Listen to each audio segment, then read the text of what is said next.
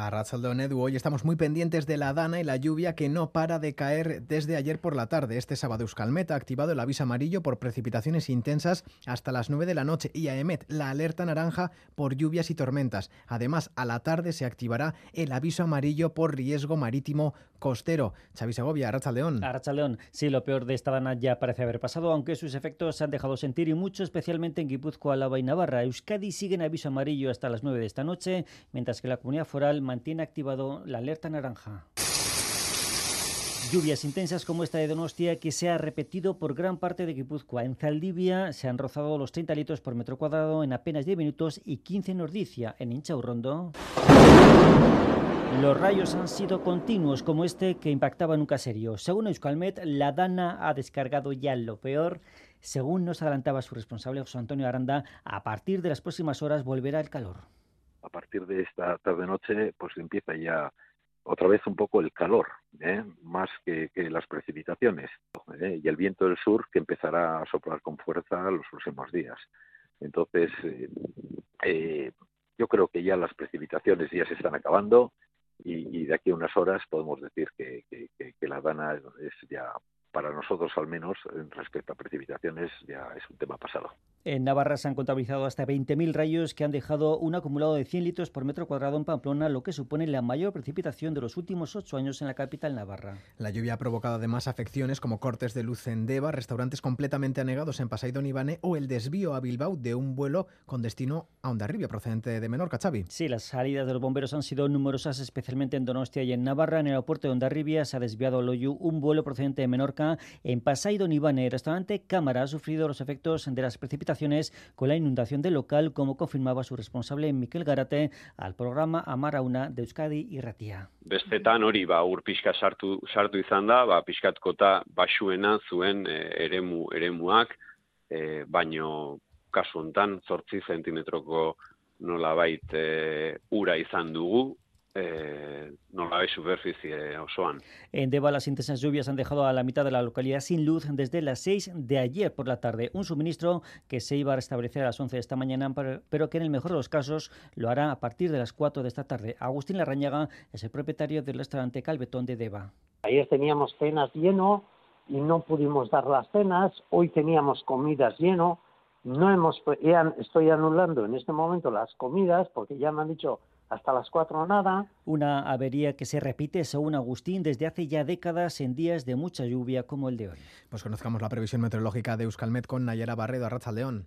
A Rachaldeón todavía seguiremos con tiempo revuelto y lluvia durante algunas horas más. Lloverá en cualquier punto y localmente se pueden seguir produciendo tormentas y chubascos de carácter fuerte.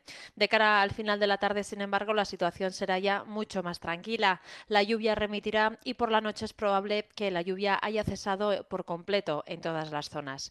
Y de cara a mañana domingo esperamos un tiempo más tranquilo. Predominarán las nubes medias y altas, con apertura incluso de algunos claros y durante buena parte del día no lloverá. No obstante, en algunos momentos la nubosidad podría ser más compacta y nos podría dejar algo de lluvia, sobre todo en el interior. Las temperaturas tenderán a subir y superaremos los 25 grados de forma general. El tiempo está complicando el tráfico en las carreteras. El gobierno de Navarra recomienda evitar el uso del vehículo y pide especial precaución debido a las fuertes lluvias. Son mucho además los viajeros que vuelven a casa en esta operación retorno de inicio de septiembre. ¿Cuál es la situación a esta hora, Susana Armenta? A Rachaldeón. A, Rachalde, a Rachaldeón, sí. La operación Retorno ha provocado retenciones en varios momentos de la mañana en puntos habituales como los peajes de Zarauz en ambos sentidos y el de Irún sentido Bayona. En este último sigue habiendo densidad y tráfico lento. Densidad también de vehículos en la A15 en Andoain, sentido Iruña, y en la A1 a la altura de la Sarte, sentido Donostia. Por lo demás, la Policía Foral acaba de confirmar el fallecimiento de una persona en un accidente que ha tenido lugar poco antes de la una en la autovía de la Barranca entre las localidades navarras de Alchazu y Bacaicu. Dos vehículos han colisionado, hay una persona fallecida y varias heridas. Bomberos y ambulancias se encuentran en el lugar del accidente. También el equipo de atestados que investiga las causas de esta colisión mortal. Pero no todos hacen el viaje en verano por gusto o placer. Son muchos los migrantes que huyen de sus países en guerra o en penurias económicas para intentar alcanzar las costas europeas. Estos días, una delegación del gobierno vasco se encuentra en la isla griega de Lesbos, la principal puerta de entrada de migrantes en Europa. Hoy finaliza el viaje y realizan el balance también. Desde Grecia nos informa la enviada especial de Radio Euskadi, Natalia Díaz, Arrachaldeón.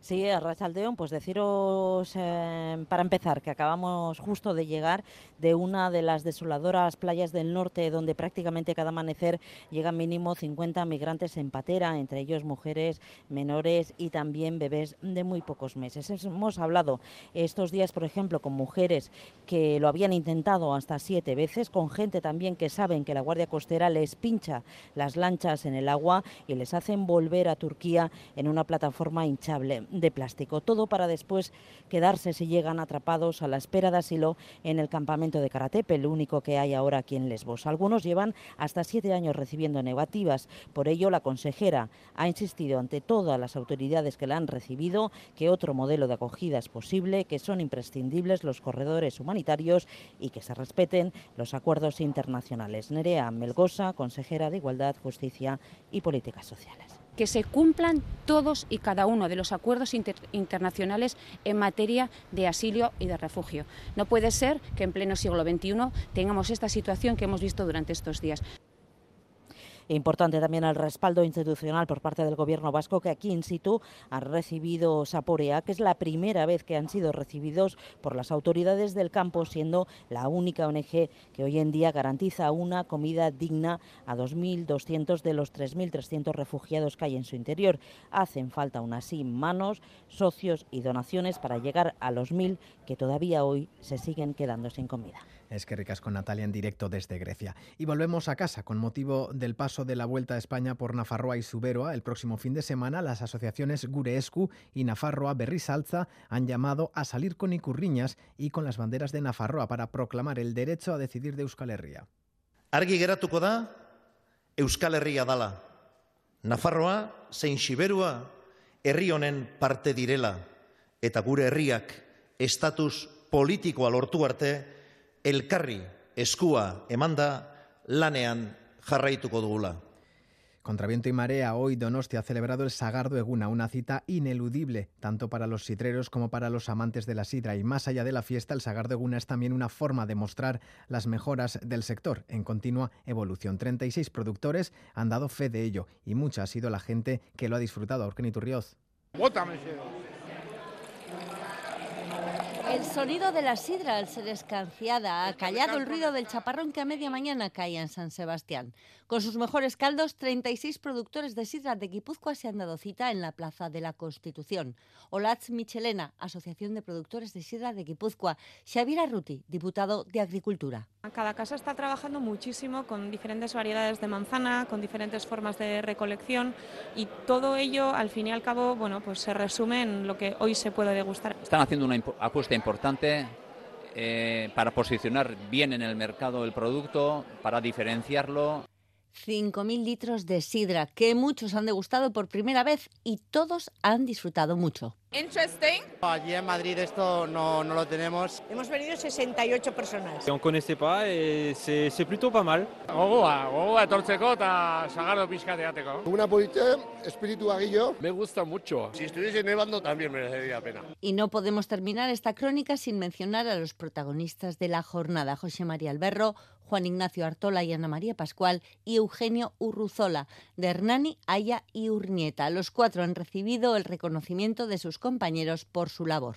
Y terminamos con política. Pedro Sánchez ha iniciado el curso en Málaga, centrando su discurso en el peligro de las políticas de PP y Vox. Agustín Serrenandia. El problema no es Vox, ha dicho Sánchez. El problema es que el Partido Popular asume todos los principios de la formación ultraderechista.